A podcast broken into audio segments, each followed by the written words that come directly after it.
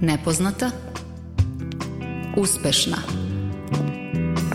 Udarna Kulturna Srećna i tužna. Žena u kutiji Slušate Ženu u kutiji, autorsku emisiju Milice Kravićak Samit i mene, Tamare Srijemac. Dobar dan vam želim, ovoga puta samo ja u ime obe. Danas, 11. oktobra, obeležava se Međunarodni dan devojčica. Kako o toj, ali i drugim feminističkim temama progovara današnja Žena u kutiji.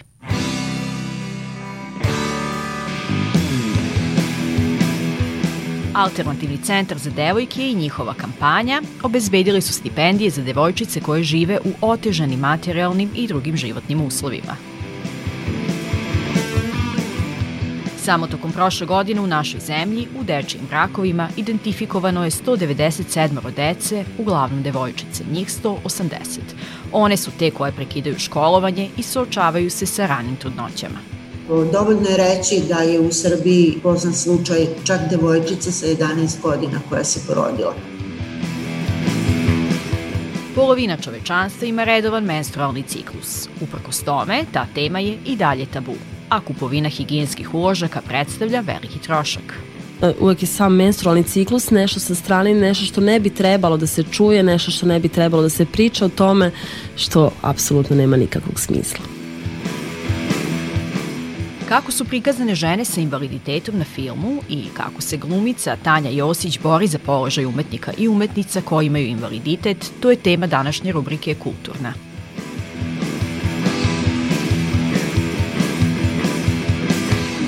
Udarna žena u kutiji. Da li ste znali da više od 62 miliona devojčica u svetu nema pristup obrazovanju, da su opterećene kućnim poslovima, uz to moramo pomenuti fizičko, emotivno, seksualno i ekonomsko nasilje koje devojčice trpe. Na međunarodnom nivou statistike pokazuju da 33.000 devojčica svakoga dana stupi u brak pre 18. godine života. Pa sreća nam Međunarodni dan devojčica. A priču o ranim brakovima u našoj zemlji kojima su izložene naročito devojčice u romskoj nacionalnoj zajednici za ženu u kutiji donosi Ilijana Berber. Iako mnogi i danas tako misle, dečiji brakovi nisu deo romske tradicije, a najčešće su sklopljeni zbog siromaštva, objašnjava Aleksandra Aleksandrović, novinarka naše kuće Televizije Vojvodine.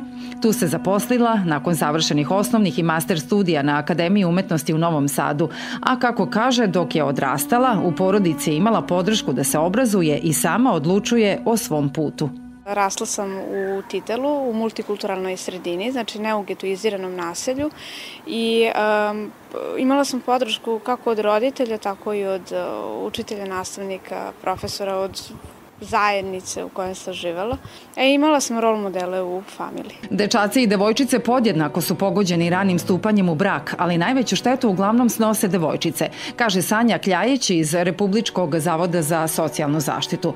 Prema podacima zavoda prikupljenim od Centara za socijalni rad u 2020. godini u Srbiji je identifikovano 197 dece u dečim brakovima, od čega je 180 devojčica. One su te koje prekidaju obrazovanje kasnije kasnije ne mogu da pronađu zaposlenje i ekonomski se osamostale, a veoma često se dešava i trudnoća u ranim godinama koja ugrožava zdravlje deteta, dodaje Kljajić. Dovoljno je reći da je u Srbiji meni makar poznan slučaj čak devojčica sa 11 godina koja se porodila. Svako uh, ko imalo razmišlja o tom detetu može pretpostaviti šta za njeno zdravlje i njen dalji psihički razvoj uopšte znači to. Kljajić navodi da je izuzetno važno porodično iskustvo dece, jer se ono ugledaju na starije članove porodice i zajednice u kojoj žive, ali i stepen tolerancije društva prema toj pojavi. Konkretno za tu devojčicu izjava njenih srodnika, pre svega svekrve, je bila pa ona je postigla otprilike svoj životni cilj. Rodila je sina. Da, ali sa 11 godina. Koliko ona može sama da bude svesna čina ovaj, koji joj se desio. Uzrok dečjih brakova najčešće je ekstremno siromaštvo, navode u Romskom ženskom centru Bibija. Mi smo na, na terenu imali devojčicu koja se udala sa 11 godina i kada smo je pitali zašto se udala sa 11 godina, mislim šta je to što je što je mislila da će biti bolje ako se uda, ona nam je rekla ja sam ovde imala ćebe da se pokrije. Vasić navodi da praksa pokazuje da devojčice najčešće u petom ili šestom razredu napuštaju školu, te da je u osnovnim školama neophodna podrška za romsku populaciju. Mislimo da tu podrška treba da ide u dva smera. Mentorska, psihosocijalna podrška čerkama i majkama sa ciljem promena obrazaca ponašanja i napuštanja ovih negativnih tradicionalnih praksi i e, ekonomsko jačanje majki i čerki kroz unapređivanje njihove konkurentnosti na tržištu rada.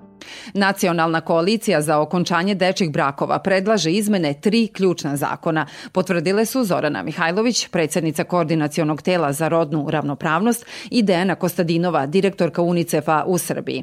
Na prvom mestu krivičnog zakona, jer maloletnički brakovi treba da budu prepoznati kao trgovina ljudima. Zatim porodičnog zakona, kojim bi se ukinula mogućnost sklapanja braka pre 2018. godine i na kraju zakona o sprečavanju nasilja u porodici kako bi maloletničke bračne i vanbračne zajednice bile prepoznate kao nasilje u porodici. Analize kažu 95% e, romkinja, pogotovo u maloletničkim brakovima, trpe nasilje. Na kraju krajeva nasilje i brak sa 15 godina, a kamoli sve ono nakon toga što se dešava. Obrazovanje je ključ svega, to je početak i kraj, e, zato što to omogućava Romima i Romkinjama da izađu iz siromaštva. Dakle, nismo slepi, mi znamo da oni predstavljaju jedan deo društva koji jeste jako siromašan. Siromaštvo je prva tačka zbog čega se ulazi praktično u maloletničke brakove. Instead of going to school, Umesto da se fokusiraju na obrazovanje, te devojčice su doživjeli iskustvo porođaja, rodile su decu. Kod tih devojčica je povećana smrtnost jer njihova tela nisu dovoljno razvijena i pripremljena za te situacije. Dečiji brakovi su obično obeleženi traumama i zlostavljanjima i devojčice nemaju priliku da razviju svoje veštine, što dovodi do stvaranja i održavanja međugeneracijskog siromaštva. A dok je bila devojčica, Aleksandra Aleksandrović je dobila savete od rođake koju navodi kao veliku inspiraciju, pa ih je prenosila deci u jednom romskom naselju dok ih je pripremala za predstojeće školovanje. Njeni saveti su uglavnom bili da nastavim da se obrazujem, e, da ne dam na sebe, da e, je znanje koje niko ne može da mi oduzme i da prosto ona stara izreka useju svoje kljuse. Aleksandra poručuje detinstvo, a ne brak. Nju i sve ostale devojčice u toj nameri podržava Nacionalna koalicija za okončanje dečih brakova koja radi na jačanju i osnaživanju žena i muškaraca da menjaju postojeću štetnu praksu dečih brakova. A i kao pojedinci možemo tome višestruko da doprinesemo ako kažemo ne diskriminaciji.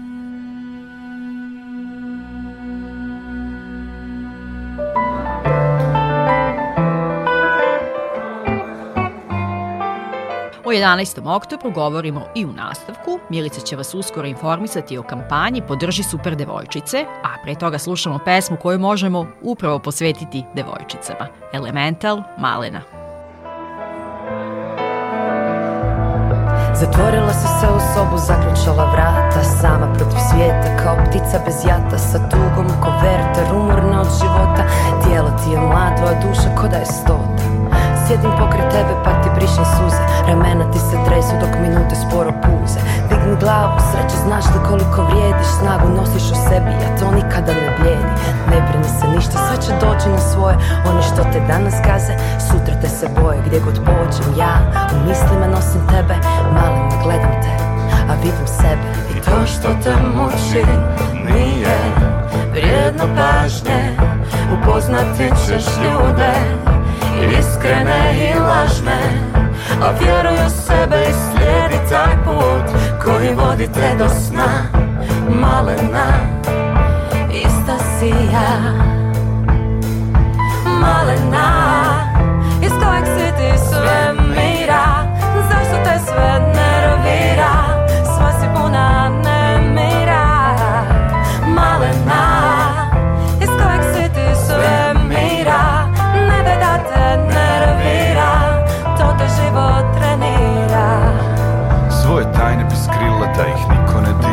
Samoća je sigurnost, u njoj tražiš malo mira Slobodu sanjaš, ali je daleka ko svemir? Duboko, se nemir I kad misliš da pucaš i kad bježiš daleko I kad mrsiš svako ko je ikad rekao da je sve to igra. Obriši suze, ne de da iko dostojanstvo ti uzme. U tebi ima snage, makar sumnješ kad padaš. I doći će jednom sve čemu se nadaš. Što želiš je sreća, a pred njom si slijepa. Kad nisi za sebe, za koga si lijepa? I to što te boli Zalječit će vrijeme. Onaj ko te voli Pojavit će se sjene Uzmi lijepu riječ ka srcu Ali strpi udarac To što ružne riječi slome Zalječit će poljubac. Malena Iz kojeg si ti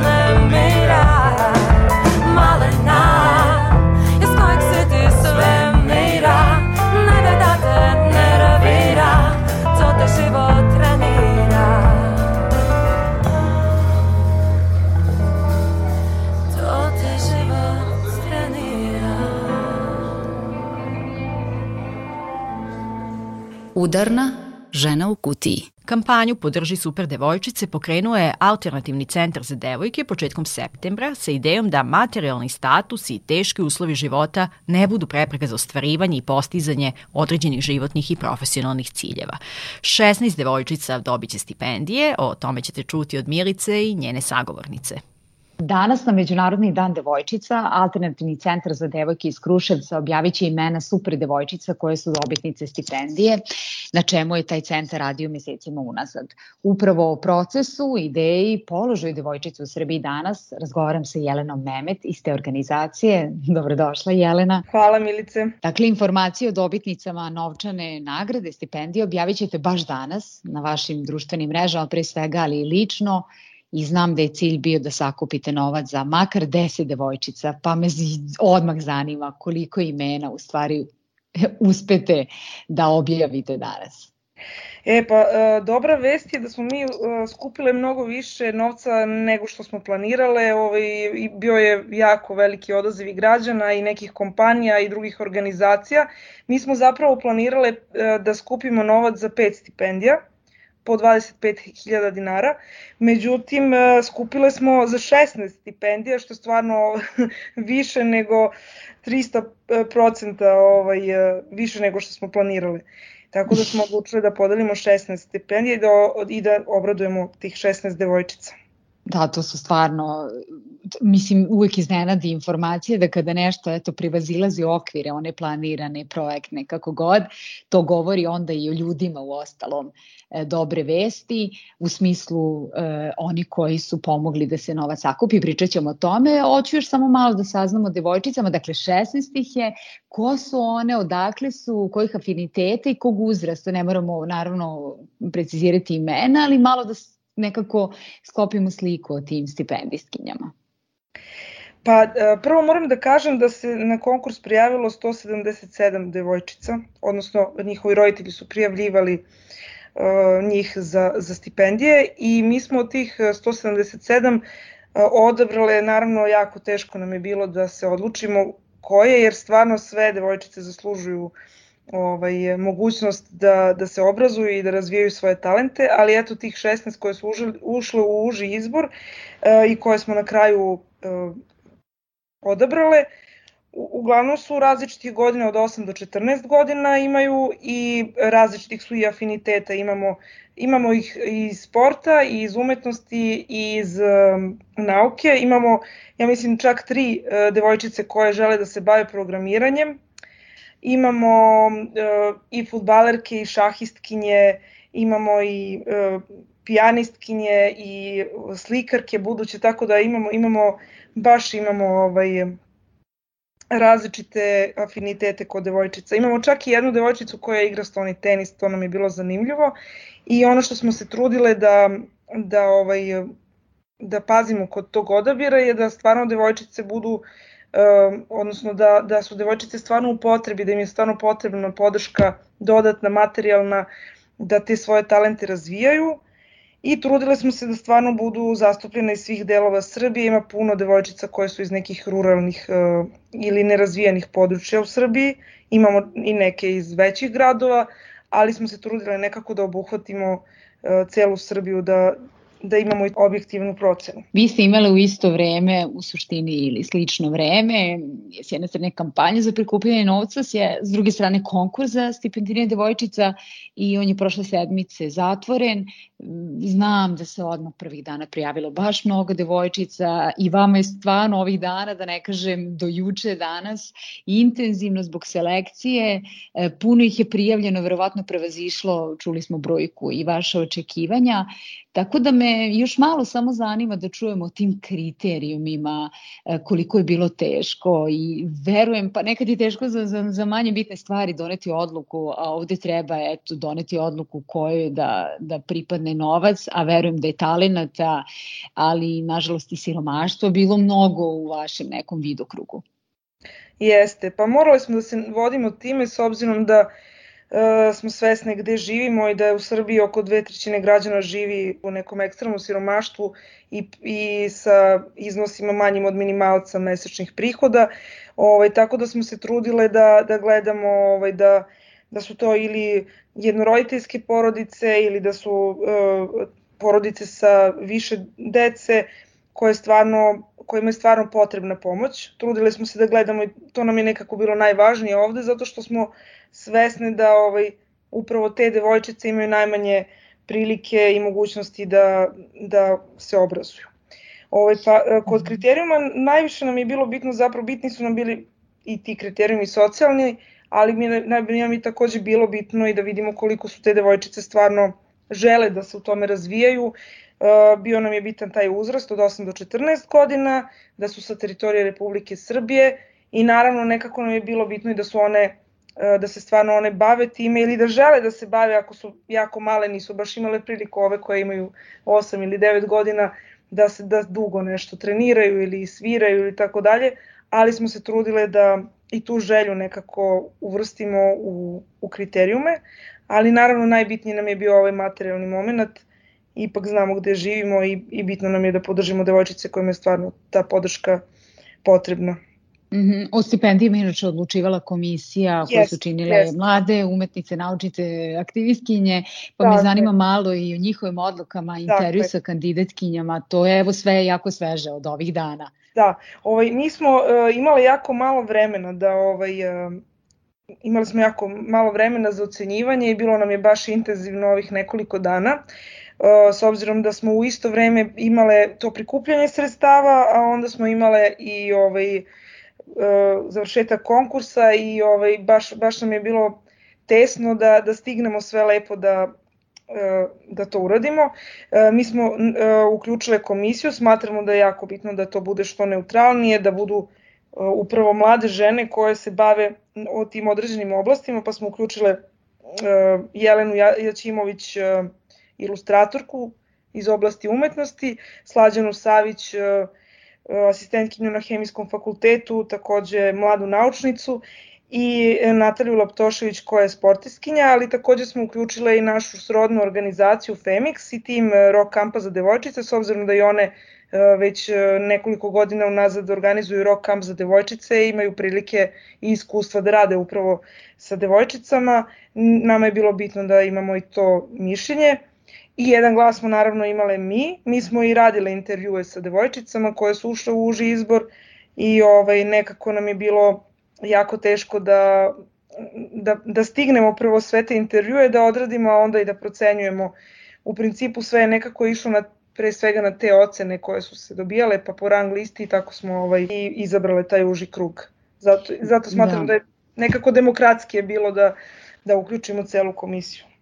Sve žene navedene, članice žirija nama poznate, drage, baš moćan tim ste okupile, a kako drugačije. E, kažete tokom septembra intenzivna i kampanja podrži super devojčice, tokom koje se prikupljao je tako novac donacije, pa e, tu ste to onda zabeležili po pozitivan ishod, možda ni neočekivan, pa me zanima koliko je taj posao, skupljeno novca, stresan, kako to izgleda, kako izgleda u Srbiji skupljati donacije za super devojčice? Pa nama je prvi put da ovo radimo, moram da priznam. E, ne, ne bih rekla stresno, izazovno, e, i nekako i zanimljivo je zapravo, jako je važna ta vidljivost, jako je važno, mi, mi smo imali sreće da smo inače već, već vidljive, već smo poznate javnosti i imamo dobru saradnju sa drugim organizacijama, pa smo nekako imali tu sreću da, da je taj, ovaj, ta kampanja nekako brzo postala vidljiva i da su se svi u nju uključili i naravno da je bilo puno podrške i od strane aktivistkinja i iz ženskih organizacija, ali stvarno je bilo i puno običnih građana koje mi ne poznajemo, koji su, koji su videli negde ovaj, um, ovu našu kampanju. Mi smo sti, e, taj novac skupile za manje od dve nedelje, smo skupile onu prvu sumu koju smo planirale, pa su nas savjetovali iz Katalista da možemo i da povećamo sumu ili da, da i dalje tu kampanju pojačavamo dok do kraja, pošto je do 30. septembra trajala. Čak nam se javila i IT kompanija uh, Holovo, koja je isto donirala novac. Uh, oni su, te kad se završila kampanja, su javili i videli su i mi smo rekli super, sjajno, onda smo dobili još još 1000 evra, tako smo i omogućili još pet dodatnih stipendija, tako da nekako to nam je baš drago da, mm. da je imalo tako veliki odjek aplauz za sve donatore i donatorke kao i za super devojčice i da završimo razgovor, mislim da je ovo nekako važno da zaključimo.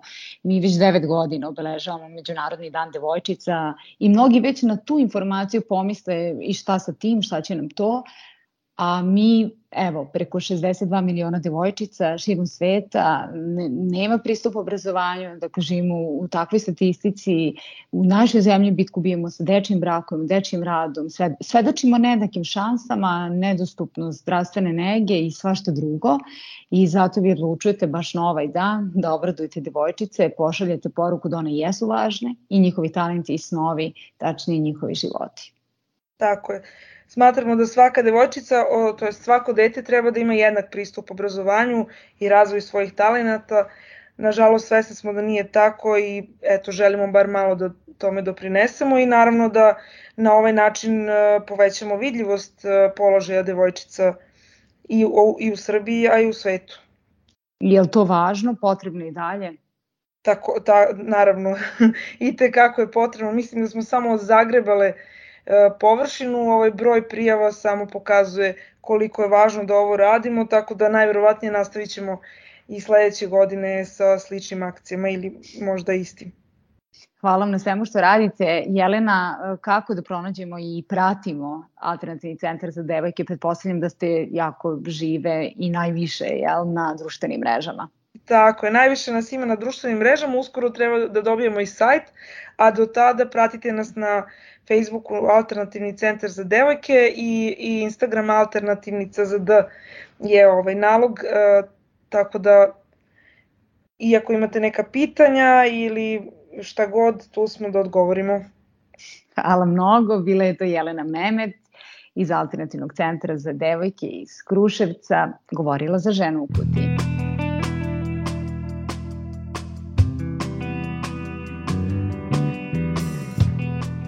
Hvala Alternativnom centru za devojke na ovoj kampanji, a Žena u kutiji u nastavku predstavlja još jednu akciju koja se tiče devojaka koje ruše tabue. Njih pet studenkinja Filozofskog fakulteta u Novom Sadu okupilo se oko neformalne grupe Ženska inicijativa sa idejom da utiču na smanjenje predrasuda o menstrualnom ciklusu, da smanje menstrualno siromaštvo i podignu vidljivost teme za koju se doskoro i još uvek smatra da joj nije mesto u javnom prostoru. Kroz projekat i konkurs Šta nam teško obezbedile su sredstva da se besplatni higijenski uložci nađu u toaletima na Filozofskom fakultetu u Novom Sadu. Jelena Mirić ispred ženske inicijative za ženu u kutiji objašnjava zašto je ova na izgled obična stvar, u stvari veliki iskorak. Pa za početak iskorak je zato što počinjemo da pričamo o, o temi menstruacije, o temi higijenskih uložaka. E, uvek je sam menstrualni ciklus nešto sa strane, nešto što ne bi trebalo da se čuje, nešto što ne bi trebalo da se priča o tome, što apsolutno nema nikakvog smisla. Sa druge strane iskorak je zato što smo mi prvi fakultet u našoj zemlji, znači kako na univerzitetu, tako i na ostatku zemlje, koji su, koji su prišli na ovoj temi sa, sa te strane. Tako da mislim da je ovo veliki iskorak za sve studentkinje, za sve zaposlene i nadamo se da će ova inicijativa da krene i na ostale organizacije i institucije i da to nekako uzme svoj neki zamah za, za dalje korake. A da je neophodno pokretati ovu temu i praviti takve iskorake pokazalo je mini istraživanje koje je ženska inicijativa uradila među studentkinjama o tome koliko je prisutno menstrualno siromaštvo i koliko je priča o ženskom ciklusu tabu. Već na osnovu odgovora prvih 1500 studentkinja dobili su rezultate koji ih nisu mnogo obradovali. A to je da je većina devojaka odgovorilo da nije u mogućnosti da se priušti o, higijenske uloške na mesečnom nivou. Dobili smo takođe informacije da devojke nisu toliko upućene koliko je zapravo menstruacija deo njihovog tela i koliko zapravo a, postoji tu nekih koraka koje bi trebalo da i oni postanu same svesne toga i da budu ohrabrene da nekako to nije tabu tema o kojoj treba da ćutimo nego o kojoj treba da pričamo. A sa treće strane opet smo dobili da je to nešto što bi trebalo da zaživi zato što mi ne govorimo govorimo sada o nekim hirovima, ne govorimo o nekim luksuzima, nego govorimo samo o jednoj običnoj ljudskoj potrebi koja ne bi uopšte trebalo da se dovodi u pitanje.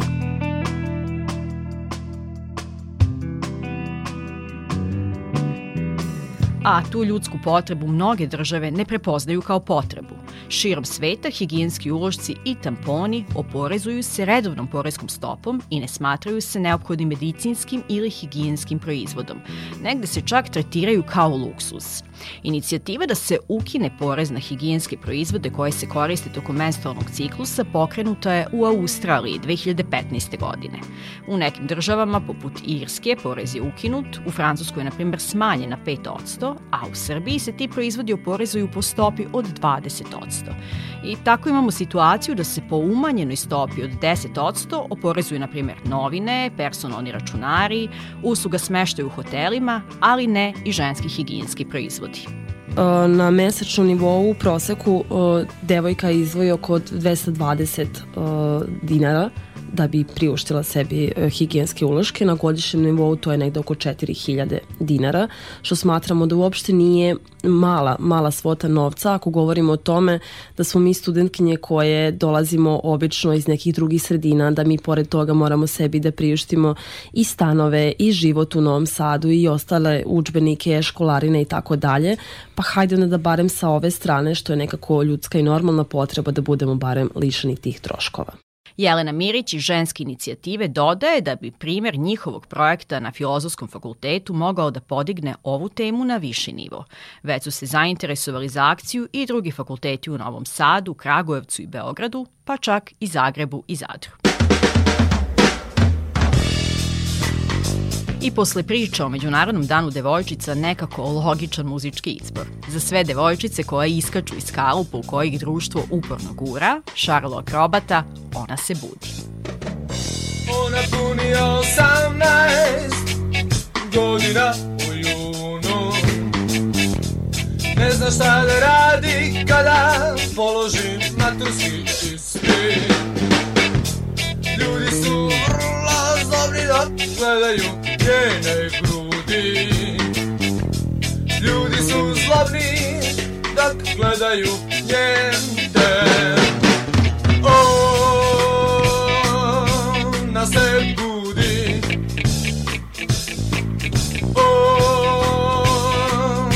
Ona se budi. Celoga života Nečim joj pune glavu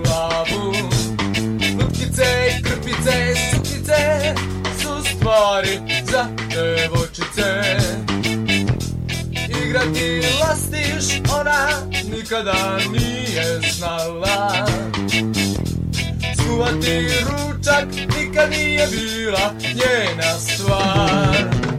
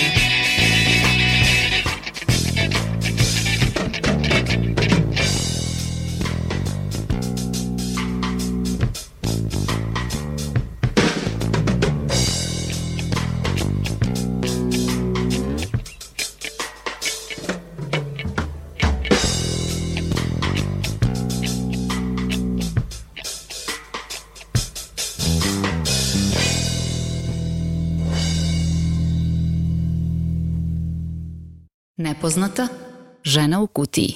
Tokom proteklog vikenda u Novom Sadu održan je 19. Uhvati film festival, festival koji menja perspektivu. Prikazano je preko 40 kratkih filmova o osobama sa invaliditetom, ali i tribine, radionice na ove teme. Inspiracija za rubriku Nepoznata stiže upravo sa festivala. Žene na filmu, ili još preciznije, žene sa invaliditetom na filmu. Dve učesnice festivala, sagovornice su žene u kutiji.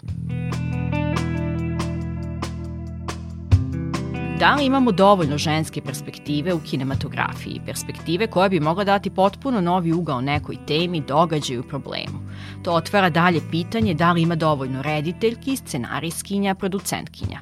Rediteljka iz Švedske, Veronika Anderson, koja se često kroz film bavi marginalizovanim osobama u društvu, kaže da je kvalitet uvek bolji ako na filmu imamo različite perspektive. So I think in general um, it's important to uh, Mislim da je uopšteno veoma važno imati različite perspektive na filmu, a ne samo mušku tačku gledišta. Takođe ne treba imati samo velike muške likove, važno je da imamo žene na filmu i rediteljke koje prave filmove. Najčešće velike filmove prave muškarci, pa onda izostaju te druge perspektive. A jednako je važno prikazati i žensko, odnosno naše iskustvo.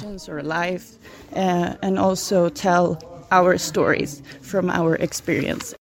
A prikaz iskustva žene sa invaliditetom na filmu tek je tabu. Gotovo da ne postoji. Žene sa invaliditetom se redko pojavljuju na filmovima i u našoj i u svetskoj kinematografiji. To objašnjava Ivana Zelić iz organizacije iz Kruga Vojvodina. I kada se prikazuje, bar ono čega možemo ovako da se setimo da smo gledali, je uglavnom vrlo stereotipno prikazivanje žena sa invaliditetom. Dakle, kao pasivnih posmatrača svega što se dešava oko njih i najčešće se prikazuju kao neko kome je potrebno voditi brigu, negu, koje nisu samostalne, da im je potrebna pomoć i podrška za sve što obavljaju od članova porodice, od partnera, prijatelja. Dakle, prikazane su vrlo nesamostalno. In general, I think it's important to uh, show people and Uopšteno mislim da je važno da se filmovi ne fokusiraju na invaliditet neke osobe, da to ne bude glavna tema filma. To treba normalizovati, treba da bude uobičajeno da na filmu prikazujemo to da mi u našem okruženju imamo različite osobe. Treba davati uloge osobama sa invaliditetom. Takođe mislim da je važno da vidimo više filmova koje su napravili ljudi sa invaliditetom zato što donose novi pogled na stvarnost.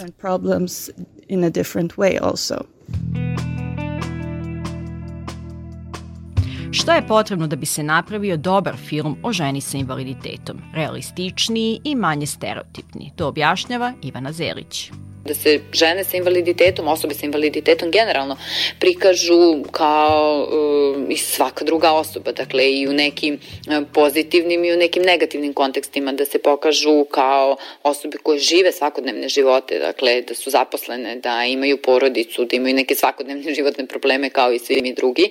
I da ne postoji zapravo uh, tih stere, stereotipa i predrasuda koji su i tekako prisutni kod nas. To se može povezati i sa medijskom slikom žena i osoba sa invaliditetom, dodaje ona. Žena sa invaliditetom u medijima je uvek prikazana prenaglašeno, senzacionalistički, sa obiljem stereotipa i predrasuda ili ukoliko osoba sa invaliditetom ili sad u konkretnom slučaju žena sa invaliditetom postigne neki uspeh u životu, to se predstavlja kao superherojstvo, kao nešto što se nije očekivalo da će ona ikada uraditi, a e, to da se predstavlja kao superheroje je često prisutno i kada obavljaju neke sasvim obične životne stvari. Dakle, udaju se, e, rode decu, zaposle se, završe fakultet, idu u bioskop, izlaze, kreću se. Tek kada se oslobodimo takvih predrasuda možemo govoriti o dobroj medijskoj slici ili dobrom filmu i seriji o osobama koje imaju invaliditet. Da bismo sve to postigli, potrebno nam je najpre teorijsko znanje, dodaje Ivana Zelić. A uz teorijsko znanje neophodno je i to da žene i sa i bez invaliditeta ravnopravnije budu zastupljene u svetu filma, nadovezuje se rediteljka Veronika Anderson. Pomaka ima, kaže, ali ne dovoljno. I think in general in uh, world cinema Mislim da inače u svetu filma postoje neke inicijative. Na primjer, pre dve godine na Filmskom festivalu u Kanu bilo je baš dosta žena i postojale su neke inicijative da se na filmskim festivalima prikazuje polovina filmova čiji su režiseri muškarci, a druga polovina filmovi koji su napravile žene. Takođe je veoma važno da više financija ide rediteljkama kako bi se postigla veća jednakost među polovima, ali mislim da postoje i drugi načini da se ode još dalje u svim tim naporima. So it's more gender equal Finansijski problem kao rodno pitanje prisutno je svuda u svetu, dodaje ona. Uh, Čak i u zemljama kao što je Švedska, na primjer, zemlja iz koje ja dolazim, postoji problem sa novcem, odnosno ne daje se ista količina novca muškarcima i ženama na filmu. Tako da je to dugačak proces. Samo ako pogledamo istoriju, vidimo koliko je dugo vremena trebalo da žena uopšte uđe u filmsku produkciju. Na primjer, u Poljskoj ima više žena koje studiraju produkciju. Odnos studenta i studentkinja režije je pola-pola, ali najveći jaz se vidi kada se snima drugi ili treći film. Tada ima neuporedivo više više muškaraca nego žena rediteljki.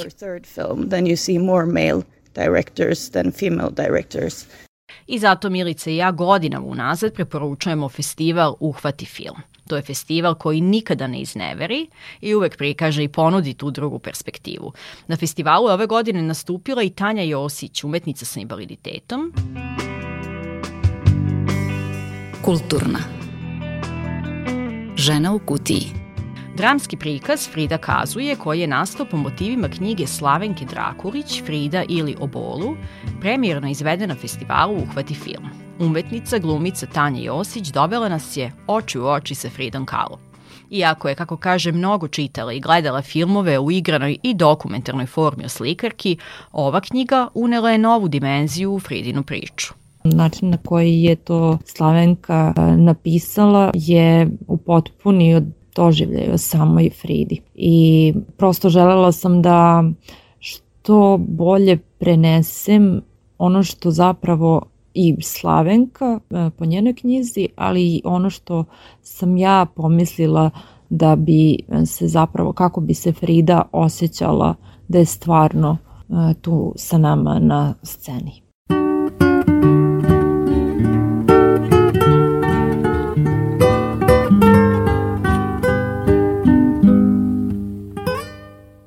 Prenela je na scenu mnogo emocija, Fridinu priču, bol i pre svega zamislila nas.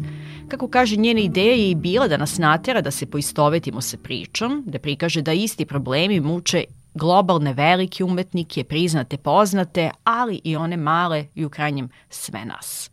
Naravno da je Frida globalno poznata i da svi uglavnom znamo za nju, možda nažalost manje o njenom radu, ali on, sa druge strane Frida je isto tako jedna pod znacima navod, navoda obična osoba sa čijom pričom mnogi mogu da se poistovete i povežu bez obzira na to da li imaju invaliditet ili nemaju. Nepravedno jeste to što je nama svima prva asocijacija na Fridu Kahlo njen invaliditet, bol, dok je stvaralaštvo bačeno u drugi plan, dodaje glumica. I dolazi do izražaja tek nakon toga da je ona bila osoba sa invaliditetom koja je imala nekog uticaja u društvu zbog toga kakva je bila karakterom, onda zbog toga sa kime je bila u vezi, pa tek onda imamo jel, njeno stvaralaštvo možda ljudi preznaju ove prethodne činjenice nego to š, naravno znaju da je slikarka ali možda manje su upoznati sa samim uh, stvaralaštvom.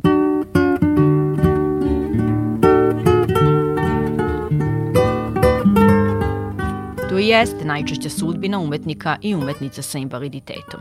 I Tanja Josić, koja i sama ima invaliditet, kaže da je do sada uvek igrala predstavnike marginalizovanih grupacija društva. Kako kaže, nije dovoljno urađeno da se umetnici i umetnice sa invaliditetom dovoljno prepoznaju da bismo se jel, dotakli toga moramo se vratiti korak unazad a to je kao preduslov jedan postaviti pitanje koliko je umetnost zapravo dostupna ljudima sa invaliditetom da bismo uopšte imali umetnike i umetnice sa invaliditetom. Ali ako već imamo, a imamo umetnika i umetnica koji imaju određenu vrstu invaliditeta, opet e, trebalo bi raditi na poboljšanju uslova da opet ne dođe do toga da se gleda e, sam kvalitet kroz prizmu invaliditeta i negde to je ono za šta se zalažem i samo tako možemo da napravimo neki korak u napred a korak je unapred pravi novoseđanka Tanja Josić. Ona je već godinama posvećena podizanju svesti o osobama sa invaliditetom, ženskoj seksualnosti, reproduktivnim zdravljem žena, diskriminaciji. Zato je i mogla lako da se poistoveti sa Fridom. Naročito ističe deo knjige o Fridi u kojoj se objašnjava kako fizička bol pomaže da postanemo svesni svoga tela, uz objašnjenje da ljudi koja trenutno nisu bolesni ili nemaju fizički invaliditet ne osjećaju svoje telo dovoljno. U tom periodu kada sam baš i radila na, na predstavi, nekako se to desilo da sam imala nekih zdravstvenih poteškoća a, gde sam vrlo bila svesna svoga tela po ovom slavenkinoj definiciji prisutnosti u svome telu. A između ostalog, da, mogla sam da se poistovetim možda i sa karakterom, možda sam mogla da se poistovetim sa nekim a, događajima iz detinjstva, mogla sam da se poistovetim sa mnogo toga, a mnogo toga sam i zapravo mislila da sam a, bila svesna, ali kada sam pročitala određene rečenice, onako malo su me zamislile zapravo koliko možda jesam bila svesna, ali nisam to verbalizovala, nisam to dovoljno možda sebi bila osvestila. Ostala je zamišljena i nad ličnim iskustvima i diskriminacijom koju je iskusila u životu, kako kaže češće od institucija nego od pojedinaca.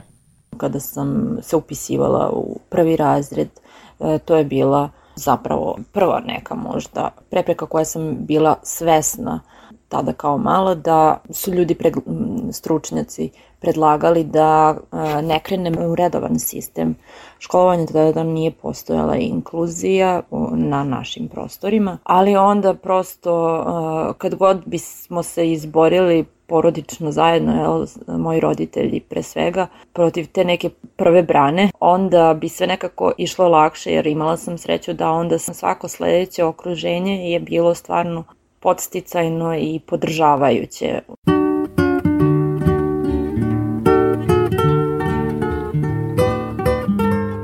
nekako uvek sam kroz to iskustveno naučila da kada bude ta neka prva prepreka, da ne obraćam pažnju mnogo na nju jer znam da može.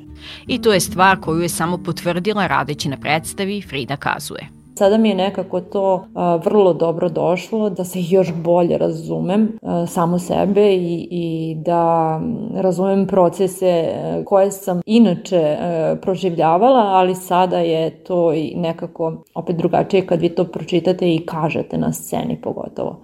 A na sceni je važno govoriti, poručuje za kraj umetnica Tanja Josić. Pozorište je važan, moćan prostor i alat, prilika da se skrene pažnja javnosti na određenu tematiku, naročito onu koja nije dovoljno vidljiva. Žena u kutiji.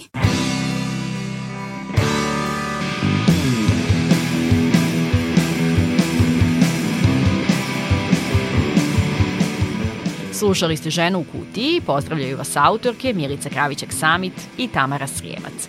Žena koja je danas zadužena za ton, naša draga koleginica Sabina Nedić. Za kraj slušamo Saru Renari i njen angažovani singl koji je objavljen početkom godine u kojem je dočarala lik Medeje, tragične priče ženske emancipacije i težnje prema sobstvenom samoostvarenju. Kako je rekla autorka opisujući svoju pesmu, Medeja se ne prepušta sudbini, već isto uzima u svoje ruke. Da budete kreatorki svog života, žele vam žene u kutiji. Prijatan dan!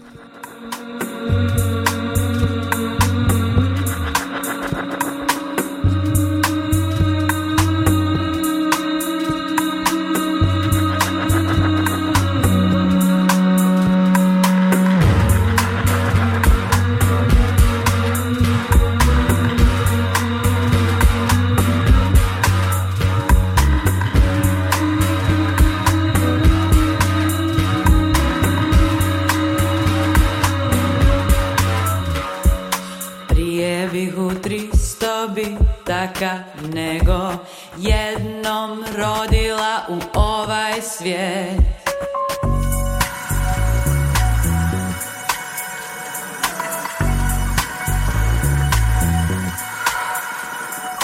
Ljubav je jača od razuma Osveta je jača od ljubavi. Osveta je jača od ljubavi A ti si dobro unovčio moje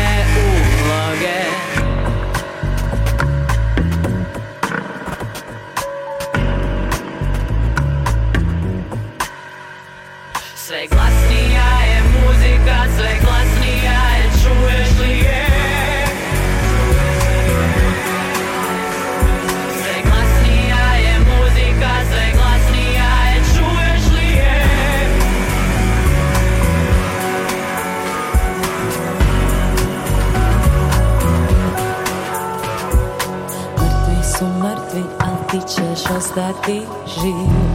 Mrtvi su mrtvi, al ti ćeš ostati živ. Mrtvi su mrtvi, al ti ćeš ostati živ. Ti ćeš ostati živ i svjedočiti. Kažu da je ljudski griješiti